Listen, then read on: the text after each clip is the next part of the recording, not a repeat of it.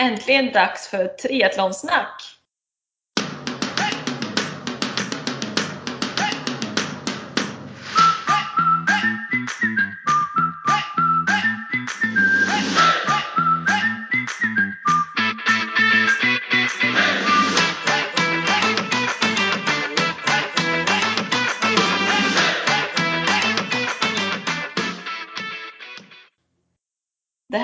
Avsnitt 17 med mig, Jäger och med mig Therese Granelli. Välkomna till dagens avsnitt. Känns som att det är länge sedan den här gången men det är, det är två veckor som vanligt va? Ja, faktiskt. Ja. Mm. Hur är ja. läget med dig? Jo men det, det är bra med mig tycker jag. Härligt, härligt. Söndag kväll här nu ju, för en ny vecka. Exakt, taggade för en ny vecka. Men det har hänt väldigt mycket sen sist känner jag. Faktiskt. Ja, ja, det har hänt en del va? Du, ska du få börja? Vad, vad har hänt sen sist? Ja, om jag ska ta det typ i rätt ordning då. Så vi avslutade ju förra podden, eller vi nämnde ju förra podden att både du och jag skulle på en utbildning. Ja. Eh, och jag har ju varit på en Les Mills sprintutbildning. Som är ett cykelpass, högintensivt, 30 minuter. Så den utbildningen har jag gått och även haft mitt releasepass på gymmet. Svinkul! Ja, gud vad roligt. Och utbildningen är ju så roligt. Eller vad tyckte du? Jo men absolut, ja. det är ju likasinnade, peppade folk som men, också gillar ja. att lära sig liksom. Ja. ja, det är kul.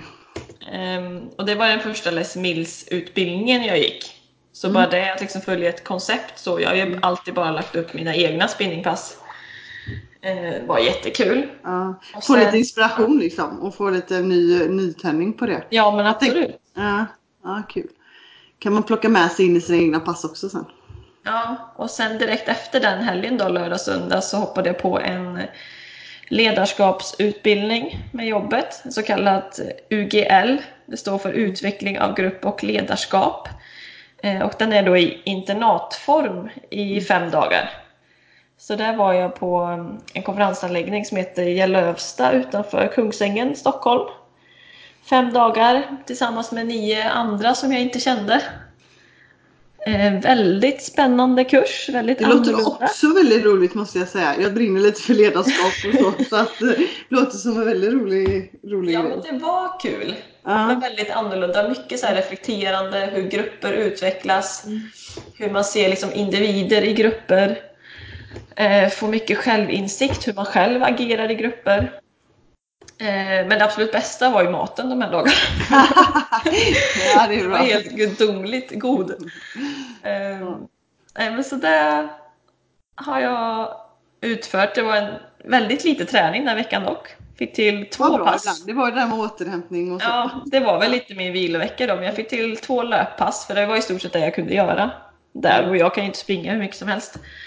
Ehm, men ett av de passen blev då 10 kilometer meter så jag krossade den här liksom milen-gränsen. Hur kändes det då? Nu kommer jag här bara, hur kändes det ja, då? Alltså, skadan kändes bra och det var så himla skönt mentalt. Jag förstår så liksom det. Så, här, så fort jag tänker på det bara, ja, jag kan springa milen. ja. jag är ganska nöjd. men så där, Ja, var försiktig bara så du inte ger dig på det för mycket. Ja, mamma. Man blir för ivrig så du springer för många gånger utan eh, Nej men jag håller ja. mig till planen. Jag. Håll, håll, ja exakt, håll dig till plan och håll nere det. jag träffade det. faktiskt sjukgymnasten i veckan här nu när jag kom hem och fick sista laserbehandlingen. Mm. Eh, och han tyckte jag skulle fortsätta som jag gjorde så vi la upp en liten plan här för två veckor innan jag ska träffa honom igen. Härligt, det låter bra. Mm. Någon som har koll på dig. Sen måste jag bara nämna en sista sak innan jag, ah. vi ska höra vad du eh, har på. Jag ska köpa cyklar. Ja, men varför, jag undrar varför du ska köpa en ny cykel. Jag såg det här och bara så här, men Sofia du har en ny cykel, du har en jättefin cykel. Eh, dels så har jag bestämt mig för att eh, nästa säsong, nu kommer jag outa det här också, men jag kommer satsa både på linjelopp, tempolopp och triathlon. Okay. Eftersom jag är med i den här Hymer Damer Elite som jag nämnde sist tror jag. Mm. Eh, och det blir ju mer linjelopp. Och min linjecykel är inte bra. Eh, så jag behöver en linjecykel, innebär det typ eh, Alltså en racercykel, okej. Okay. Ja, Bra precis. att jag, du får översätta för mig här. Men... Ja. så där behöver jag liksom en ny oavsett för den jag har är liksom verkligen en mm. instegscykel. Um, och sen min tempocykel som jag haft den har jag lånat i ett år. Okej. Så Ja, den det- kom de nu i veckan och hämtade tillbaka. Jaha, så den var inte Så din? jag, nej, Nej. så jag är cykellös på temposidan. Känns förstår. jättenaket. Så nu här innan eh, nyår och jul någon gång då så ska jag köpa två par cyklar och jag kan liksom ingenting om cyklar. Så jag, det enda jag tänker på om dagarna är cyklar. Och jag liksom, vilken investering att köpa två också. Det är inga billiga grejer. nej, och det är ju liksom, det är ganska viktiga beslut Ja. eftersom det, Ja, alltså det måste vara bra grejer för den ambitionsnivån som jag Mm. vill vara på. Och sen är det väldigt mycket pengar. Och det är något som jag inte kan så mycket om. Nej. Synd att du inte är lite mindre. Jag har en väldigt, väldigt fin triathloncykel ståendes i mitt förråd som inte kommer att användas så frenetiskt det närmaste. Ja, men så det är det som fyller mina tankar. Så alla lyssnare, har ni någon billig jättebra cykel på lager eller i garaget eller något så skriv till mig direkt. Hör av er. Ja, det är bra. Outa det. Men vad roligt, vad kul. Eh, Sen är det alltid Ja. kul med nya grejer. ja, alltså det är ju verkligen det. Lite så. Så är det verkligen. När man väl har köpt den. Precis, jag kommer väl outa när jag har köpt någonting. Mhm. Så får vi se. Men då förstår jag varför du hade lagt ut det där. Jag var såhär, vad fan hon har cykel. den är ju Ja, ny. den var ju bra den jag hade. Så. Ja, exakt. Eh, men själv då? Vad har du hittat på sen sist? Ja, nej men jag var ju också på utbildning den helgen då när du var på eh, sprintutbildningen. I så kallat Mamma Mo som är Nordic Wellness koncept på liksom mammaträning typ. Eh, ja. Nej, och, och Viktor, min sambo, han skojar om att det är Mamma Mu. Han bara, vad ska du göra då? Men en väldigt rolig, alltså mer så här också att man kan ta nytta av kunskapen själv. Vad som är bra att träna och göra efter förlossningen. Och det är även för gravida egentligen, så det är även nu före också. Eh, och sedan kan jag då börja köra, man kör de här klasserna tillsammans med sitt barn. Så att, Oj, eh, okej. ja, så det, det kan man ju börja med ganska ändå hyfsat tidigt. Jag tänker att jag ska ha sådana klasser dagtid. Eh, ja, när jag mår bra då. Det har jag ingen aning när jag ska starta upp det. Eh, och så eh, har man med sig sitt barn om man vill. Man behöver inte det. Man kan använda vikter och så. Eller så lyfter man sin unge upp och ner och gör olika grejer. Eh, men väldigt, väldigt rolig utbildning. Och eh, ja, fick med mig mycket bra grejer för mig själv. Och eh, ja, tips helt enkelt. Så superrolig dag. Så precis som du säger, det är bara en massa likasinnande och eh, man blir väldigt eh, boostad och inspirerad. Men var det många gravida på den utbildningen eller var det? Ja men det var Var det- faktiskt två stycken, som, ja, tre med mig då, eh, som var gravida. Inte, inte som jag då som stod där i vecka 37 typ. Riktigt men, men eh, eh, och sen var det en som hade med sig sin, eh, en halv, eh, sex månader tror jag hon var, men en, eh, sin dotter då. Så eh, hon var helt fantastisk, en hel dag liksom, bara glad hela dagen Hon var med på allt och bara låg där. Jag bara fantastiskt. Är alla barn så så kommer det gå hur bra som helst. jag tänker att det kommer vara lite mer skrik och hej och hå på ett pass när det är massa mammor och barn med. Eh, så ja, det var väldigt, väldigt roligt. Annars så har väl veckorna så jag tycker det går väldigt fort. Jag går in i vecka 38 nu. Det är ju så nära. Det kan ju hända när som helst. Så jag lever ju lite i min bubbla liksom. Eh, och man känner att jag, ja, det närmar sig.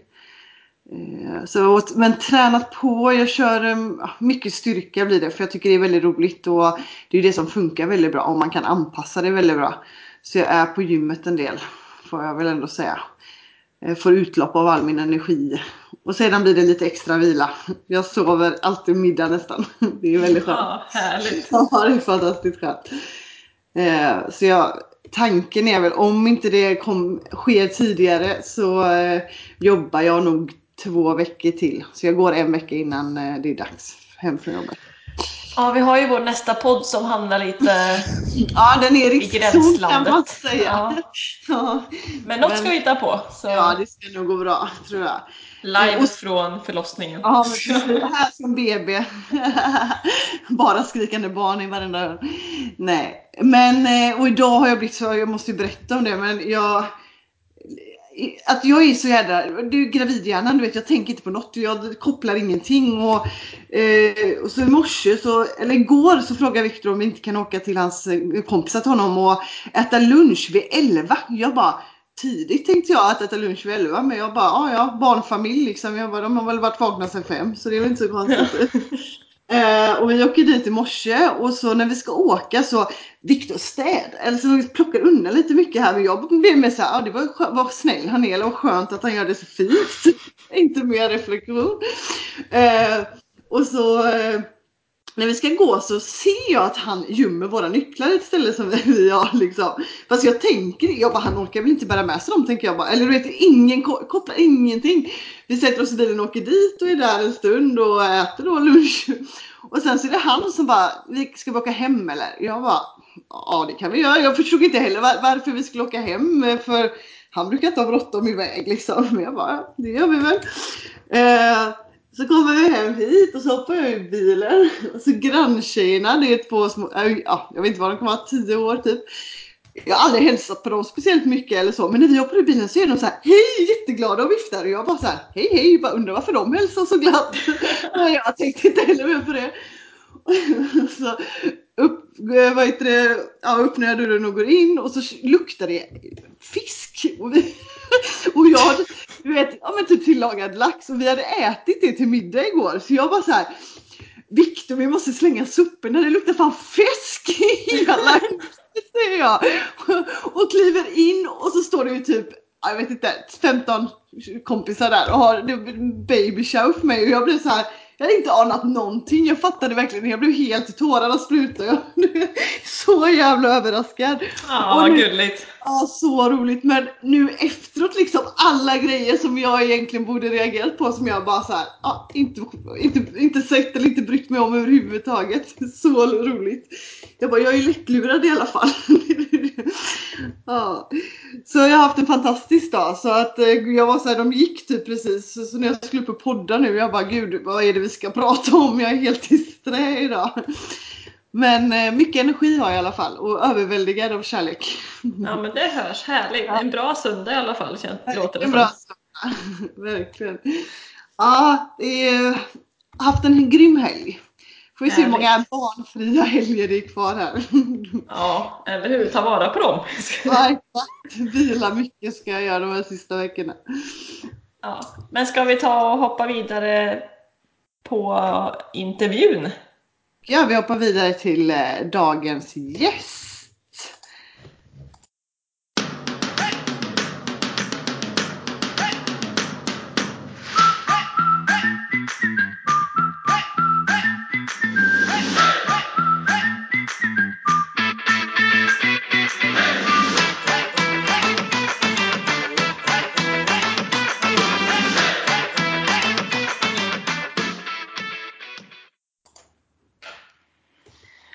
Avsnittets gäst är Joakim Wilén som är coach på Motalas rikstriathlongymnasium och för även tre andra aktiva Linköpingsstudenter som är i elit.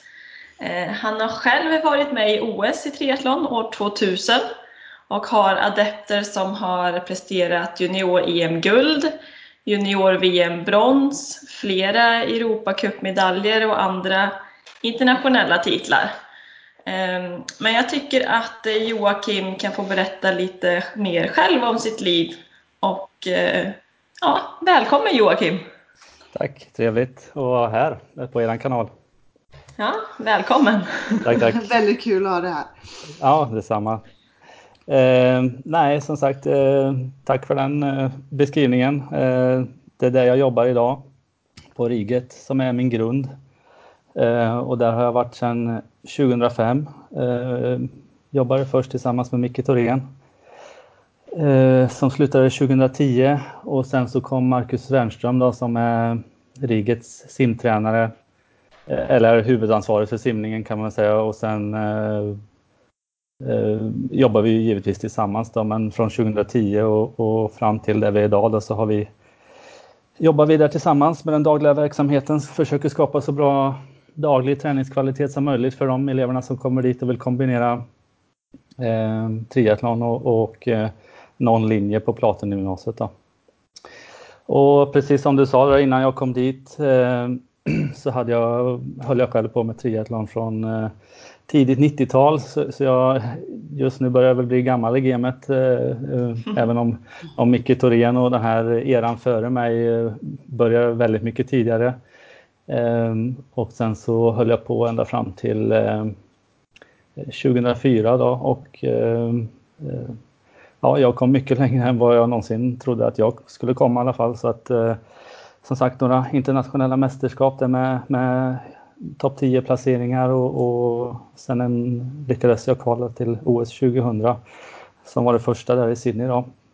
Otroligt fin upplevelse och ja, många, många minnen och, och, och många träningstimmar där. Um, och, och framförallt, eller framförallt, ehm, det var Micke Thorén som fick in mig på triathlon också där, så att han, han har väl liksom skapat uh, både att jag började med triathlon och att jag blev tränare. Så, så det, mycket man... att tacka honom för då. Ja, precis. precis. det, det, det, tänker jag på ofta, där, att utan det så skulle det ju inte var något utav det som jag har fått uppleva. Ehm, och innan jag började med triathlon så var jag simmare och eh, lite allround sådär judo, fotboll, eh, karate. Ehm, sprang en del själv. Ehm, men mest simning då och där hade jag också turen att vara, komma till en jättefin miljö i Motala på 80-talet med Anders Holmertz och Micke Holmertz och Sven-Arne Selling och Henrik Lek och eh, eh, Johan Wernström och Åsa Blom och Johanna Forsberg. Eh, fantastisk eh, uppfostran och skulle nog säga grunden för allt som har följt därefter då, som triatlet och tränare. Så det ligger väldigt djupt just den lärdomen från den tiden där. Då tillhör du sådana som vi är avundsjuka på som har simningen som bakgrund. Ja, precis. För det tycker vi är så himla svårt. ja, och det saknar vi lite i triathlon idag eh, kan man ju se, tycka lite. Men, men jag, som sagt, eh, vart ingen toppsimmare men i triathlon-mått mätt så var jag en väldigt bra simmare. Och eh, det hade jag ju stor nytta av. Men sen är det också det här att man när man är simmare så har man ju gjort någonting specifikt under många år och så är det ju ändå på löpningen det avgörs och, och då så eh, har man de här, hade jag de här 30 sekunderna upp till toppen i alla fall på, på när jag var aktiv. Då. Mm. Vill och, du berätta ja. lite mer om din livssituation och så hur det ser ut nu? Precis, eh, tänkte precis eh, lägga till att jag har fru och, och två barn och en eh, pudel. Eh, bor och lever i Motala.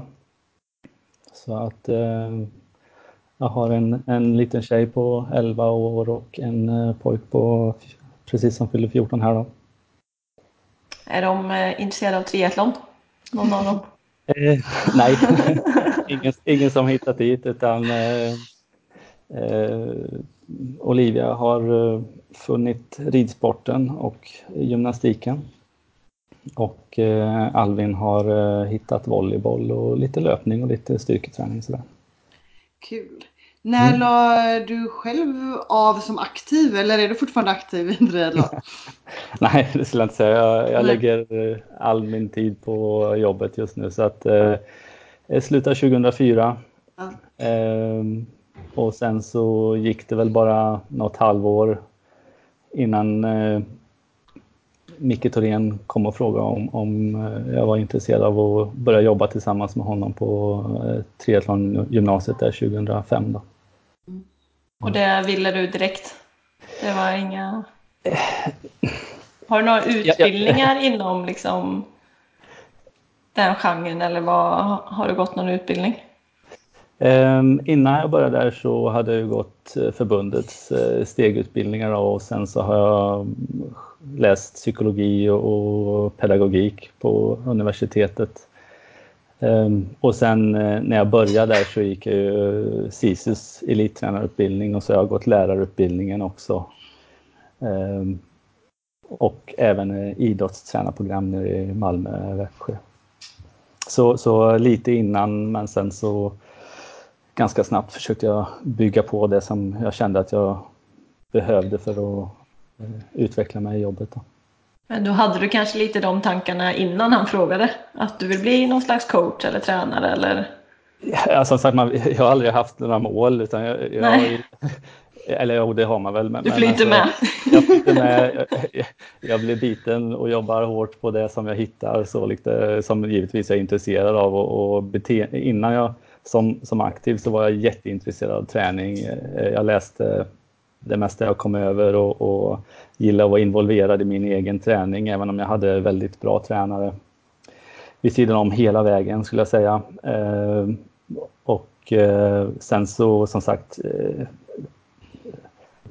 2000 så började jag läsa psykologi och, och, och pedagogik och, och, och, det är ju för att jag är intresserad av beteendevetenskap så, så nu kan jag ju se att det är en väldigt bra kombination eh, för det jag håller på med idag.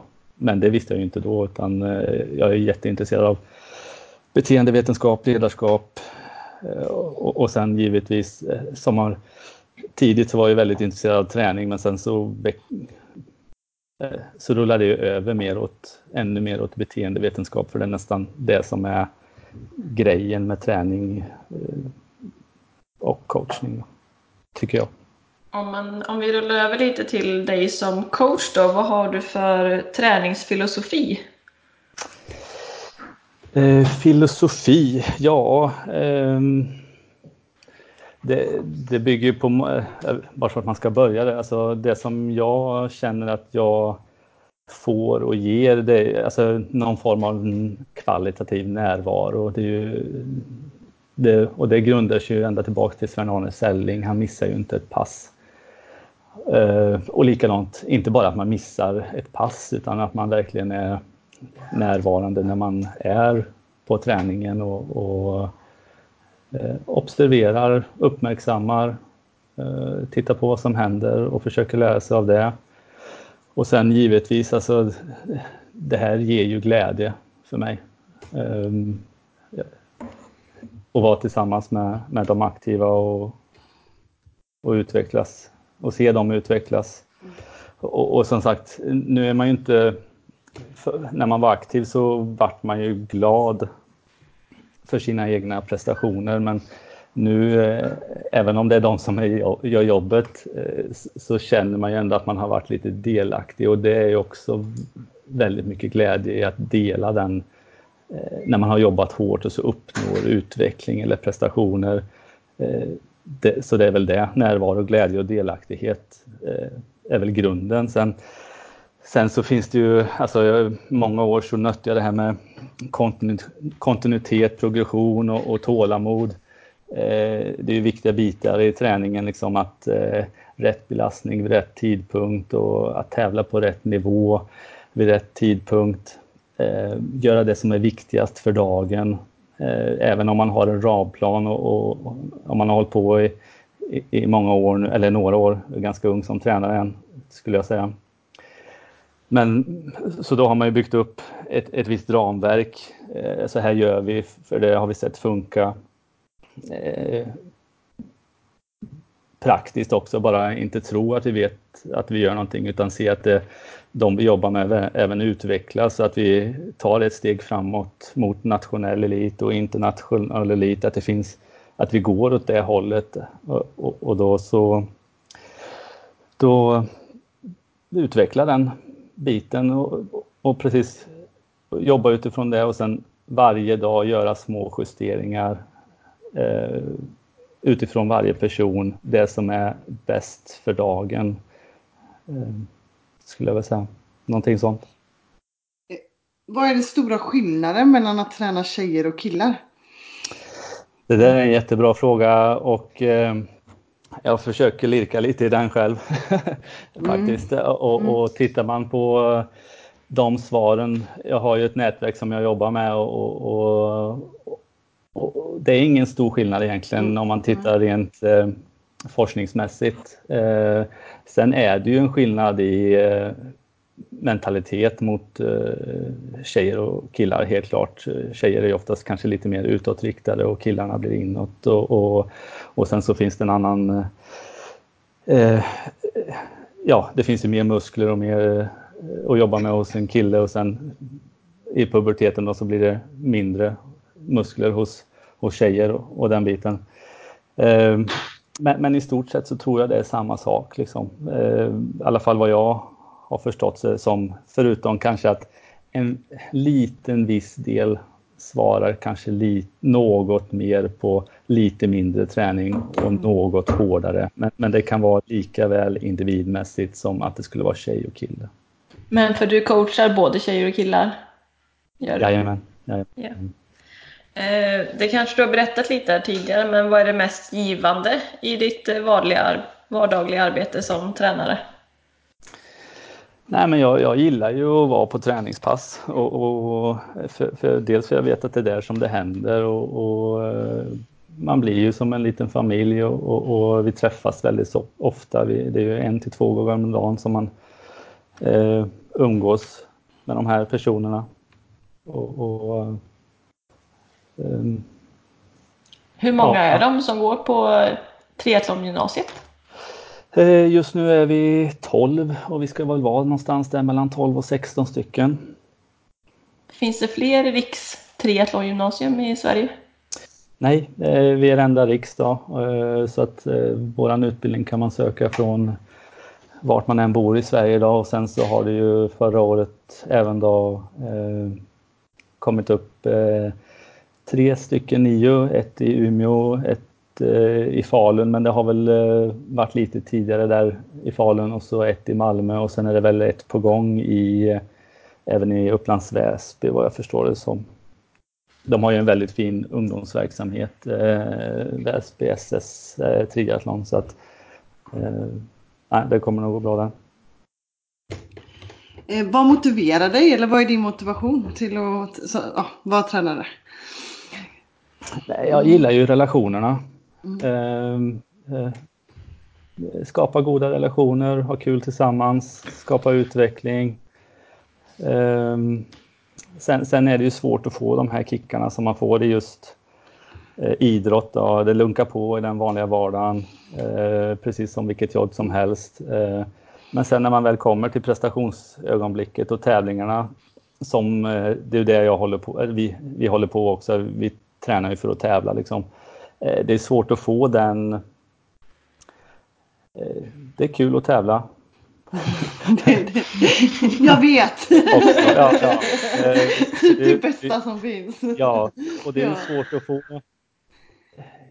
Nu har inte jag hållit på med så mycket annat än idrott då, i hela mitt liv faktiskt. När det kommer till, så jag kan inte så mycket annat men jag vet inte vad, vilket annat yrke riktigt som skulle skapa det som, som just ja, ni vet ju själva innan tävling, eh, eh, under tävling och efter tävling. Det, det, är ju en viss, vissa känslor som, ja det är kul att se vad som det här hårda arbetet har gett. Eh, en avstämning. Mm. Vad skulle du säga är framgångsfaktorer för att lyckas som coach? Um Ja, det...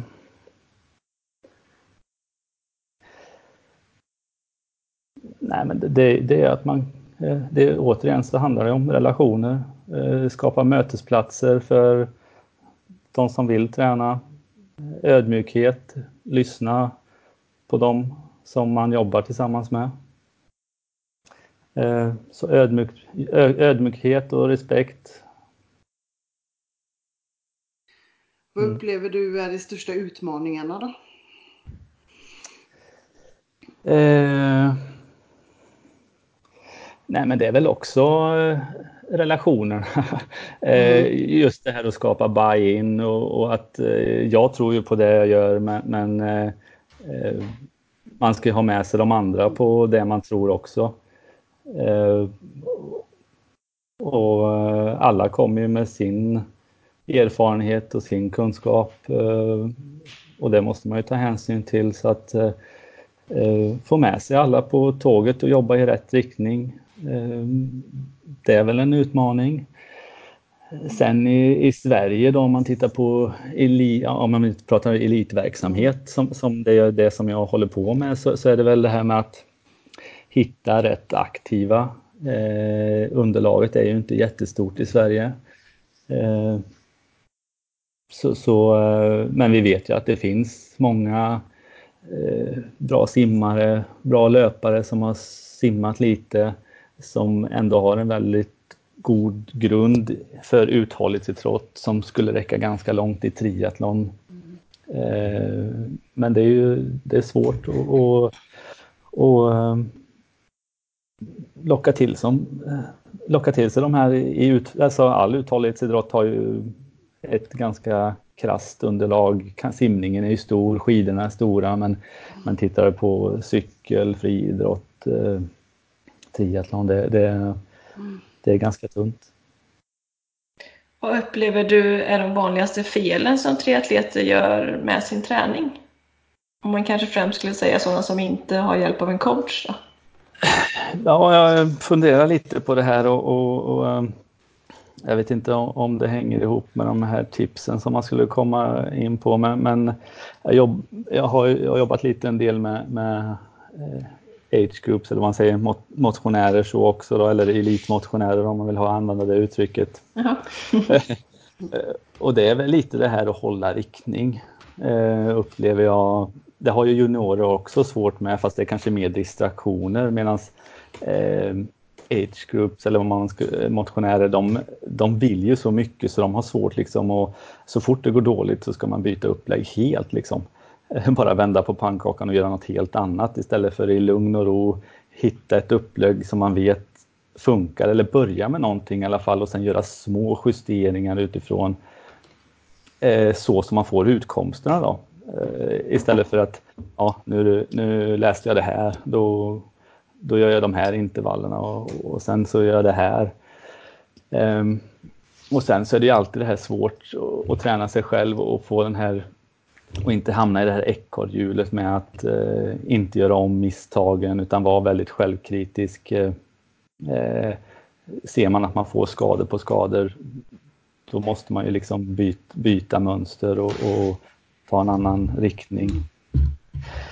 Um, lite det här också kanske att man tror så mycket också på sitt eget upplägg eh, så att man inte tränar tillsammans med andra. Eh, så man inte är villiga försaka, eh, även då, försaka sin egen träningsmetodologi för att träna tillsammans med andra som ger så mycket mer eh, än just eh, de här träningspassen då som man tror på väldigt mycket. Det tror jag är ganska vanligt mm. faktiskt, för det mm. känner jag igen i min mm.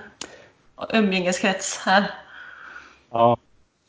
Vad säger ni själva? Jag vet inte vad, eh, vad, om på den frågan. Nej, men jag har väl, eh, jag vill hitta nyckeln för att inte bli skadad. Det är väl det jag jobbar på. Mm. Sen om det handlar om att hålla fast vid ett upplägg eller att hitta justeringar i ett upplägg det vet jag inte riktigt. Mm. men just det du säger att våga träna med andra är ju jätte, alltså verkligen så. Att man blir lite i sin bubbla kanske. Nu har jag jobbat själv med coach så länge, alltså, så jag, det var länge sedan jag tränade själv på det sättet. Ja. Uh, ja. Nej.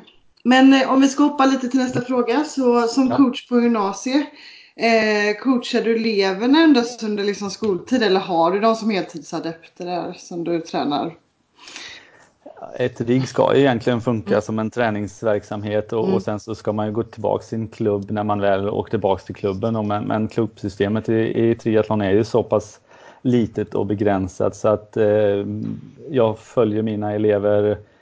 Eh, de som vill följer jag hela året om eh, och sen så är det några som kanske sköter sig själva på sommarlovet. Så mm. mm. Vad skulle du säga att det är för skillnad? För du, om jag förstår rätt så coachar du både de på gymnasiet och du har några andra adepter, typ age groupers. Ja. Eh, vad är det för skillnad i de coachningarna, skulle du säga? Um, Förutom att du då kanske inte träffar dem varje dag. Det är väl det. Nej, men, nej, precis. Det är en stor, stor skillnad. Eh, nej, men det är lite samma, alltså det som eh, de age-grupperna som jag jobbat med är ju väldigt ambitiösa och väldigt på, alltså vill eh, ge jättemycket, liksom vill, vill, vill, vill fort framåt och, och eh, så det, och det är också någonting tålamod, det har båda grupperna. Liksom. Båda kan ju ta ett långsiktigt perspektiv egentligen för att alla age group som jag har jobbat med, även om de vill bli bra nästa år, så har de ju ändå hållit på fem år framåt. Det är ingen som har bara kört ett år, så att då kan man ju lika gärna ta ett femårigt perspektiv istället för bara att säga att man ska bli bäst till nästa år. Och det är likadant med juniorer där, så det är, det är ingen skillnad utan det är en likhet. Ehm.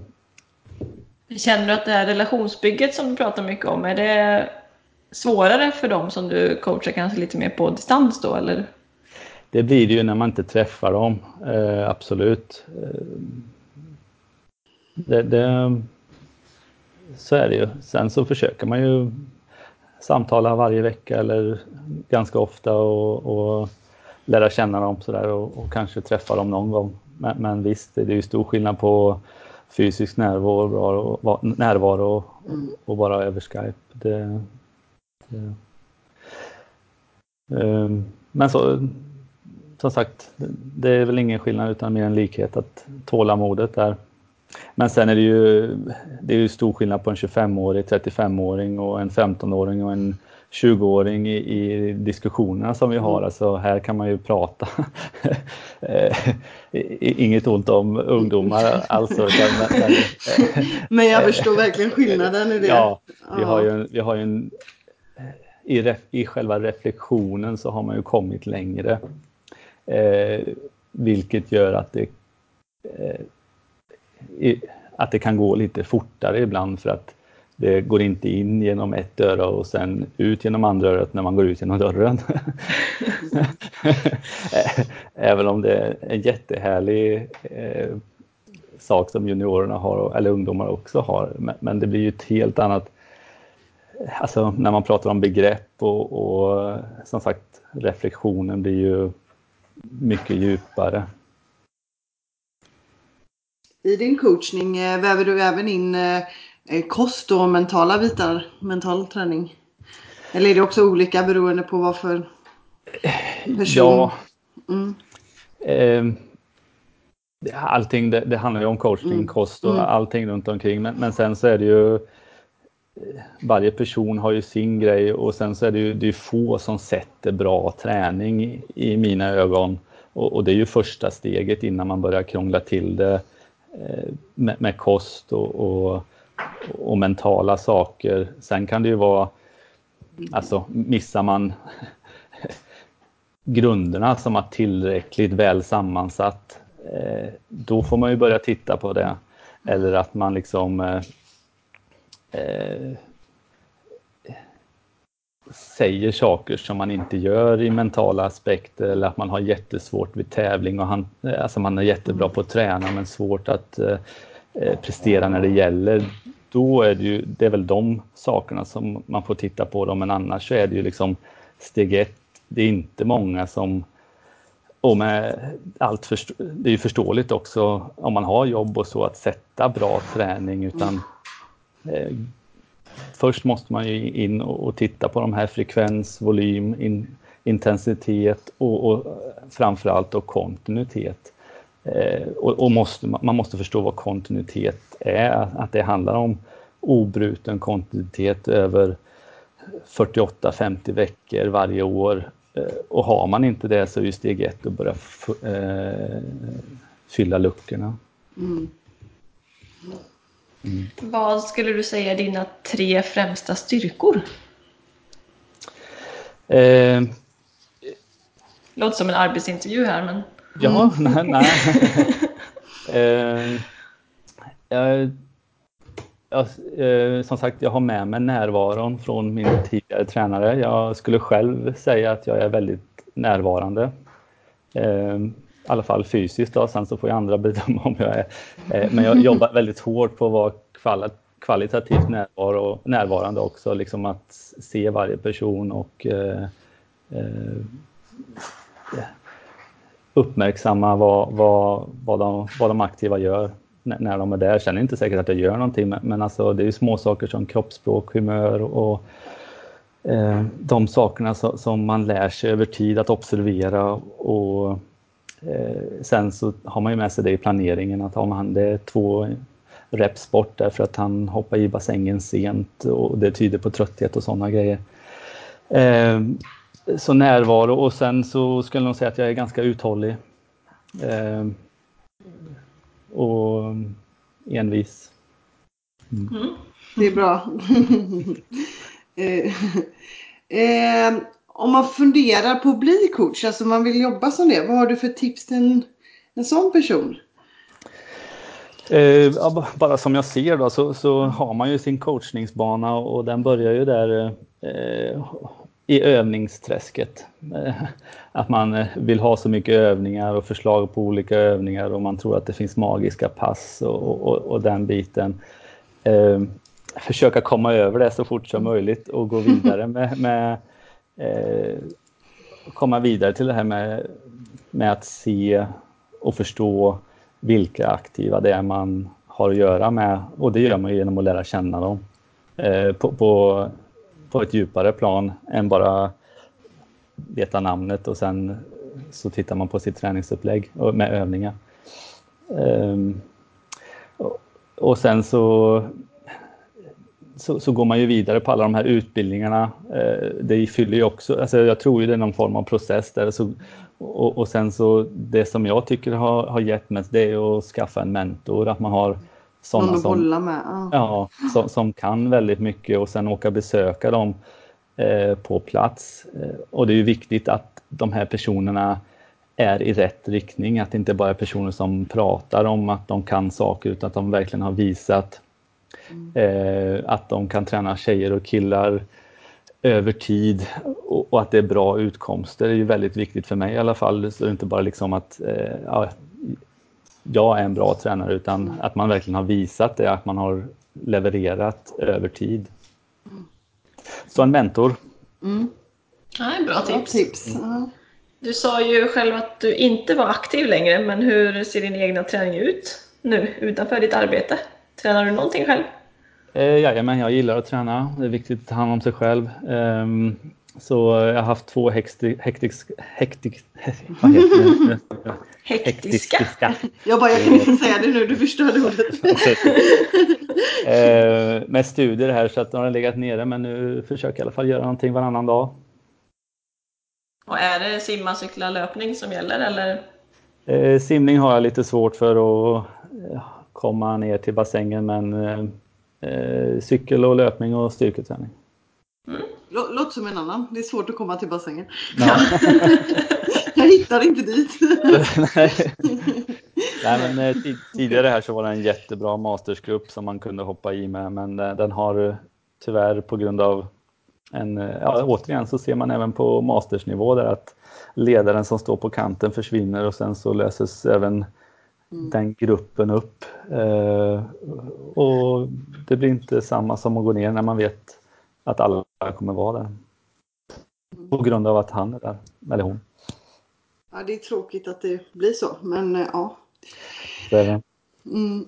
Eh, stoltaste ögonblick som coach? Coach, nu kan inte jag prata heller längre här. Nej.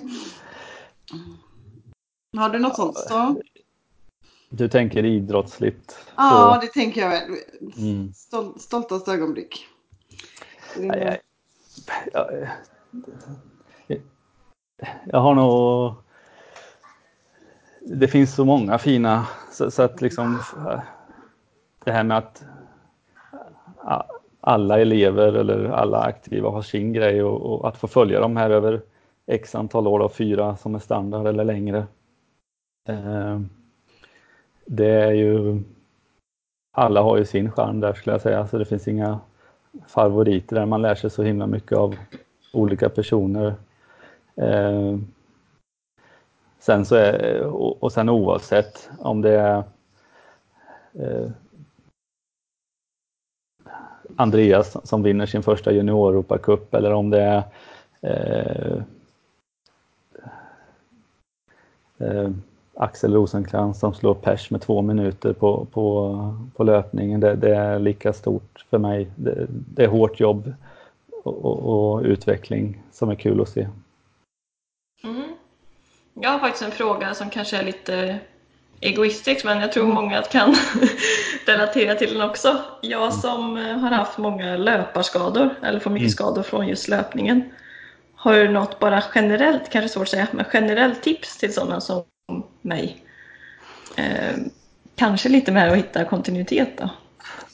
Eh, jag brukar, man skulle behöva gå in på dig liksom och se biomekanik och, och, eh, och sådana saker för, för, att svara på den frågan. Och sen så är det ju som alltid att första skadan är ju oftast det som kommer i nästa skada. Så att första skadan är ju superviktig att eh, ta hand om så att den är fullt utlagd innan man går vidare. Eh, men det vi har att jobba med det är ju belastning och livsstil. Eh, och jag är helt övertygad om att eh, rätt belastning vid rätt tidpunkt tar det ju framåt. Vi vet att kroppen är flexibel så, så gör man inte mer än att man man får ju faktiskt acceptera att så här mycket kan jag göra innan man kan gå vidare. Eh, gör man inte det så kommer man ju heller aldrig framåt. Och tar man det tiden det tar så kommer man ju vara på samma ställe som den här personen som kanske gör, kommer lite framåt just då som man tycker. Men, men jag är helt övertygad om att lägger man belastningen på rätt nivå eh, man får göra så lite som man skapar kontinuitet. Mm. Alltså, jag gillar volym och jag gillar frekvens. Eh, inga konstigheter. Vi vet att det är väldigt eh, utvecklande för ungdomar. Det behöver inte vara det för seniorer om man har gjort det, men det finns ju en viss eh, om man inte har varit, börjar som 30-åring så är det ju också steg ett. Då. Men, men, man måste ju börja liksom där man är och, och, kan man springa två gånger i veckan så är det två gånger i veckan. Och sen så när man har gjort det i sex månader så går man på tre gånger i veckan. Ehm, det, det liksom och, och, bara man kommer över de där trösklarna så, så går det ju lite snabbare än att man går för fort fram hela tiden. Det är min erfarenhet i alla fall. Sen finns det ju de här små sakerna som man kan, alltså knäkontroll, fotkontroll, eh, skoinlägg. Men det är ju liksom, det är sekundära saker eh, utifrån att man verkligen följer sin belastning som man klarar av och är nöjd med det. Tålamod. Mm, intressant. Mm.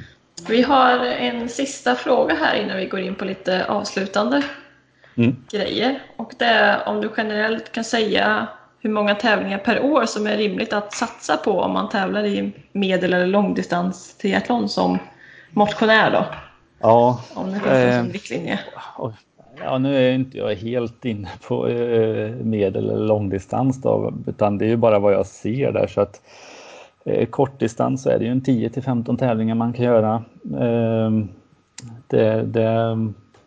Och med kort så menar du både sprint och olympisk? Sprint och, olympi äh, sprint och olympiska. Och mm. eh, det man ser alltså som långdistansare, eller man ser de här killarna som gör eh, olympisk och sprint, de går ju upp och kanske kör några 70,3 som Christian och, och Gustav. Eh, två, tre stycken. Eh, i sitt eh, tävlingsprogram. De som är långdistansspecialister, de har väl en... Eh, nu är, nu är det ju... Om man går för korna så är det ett visst poängsystem eh, som jag inte är helt insatt i, men de, de har ju kanske en, två, tre stycken som de satsar på, så kanske har de lite mindre tävlingar däremellan. Eh, så jag, nej, jag vågar inte säga något bra svar där, utan det, det det är väl lite... Testa sig fram kanske? Ja, alltså en, en långdistanstränare skulle nog kunna svara på det mer generellt bra, men... men eh, mm. Mm. Sen har vi någonting i podden som vi tar med alla våra gäster som vi intervjuar. Och det är någonting som vi kallar för fem snabba. Så jag kommer ge dig två alternativ och så ska du snabbt bara välja en av dem. Okej. Okay. Ja. Ja.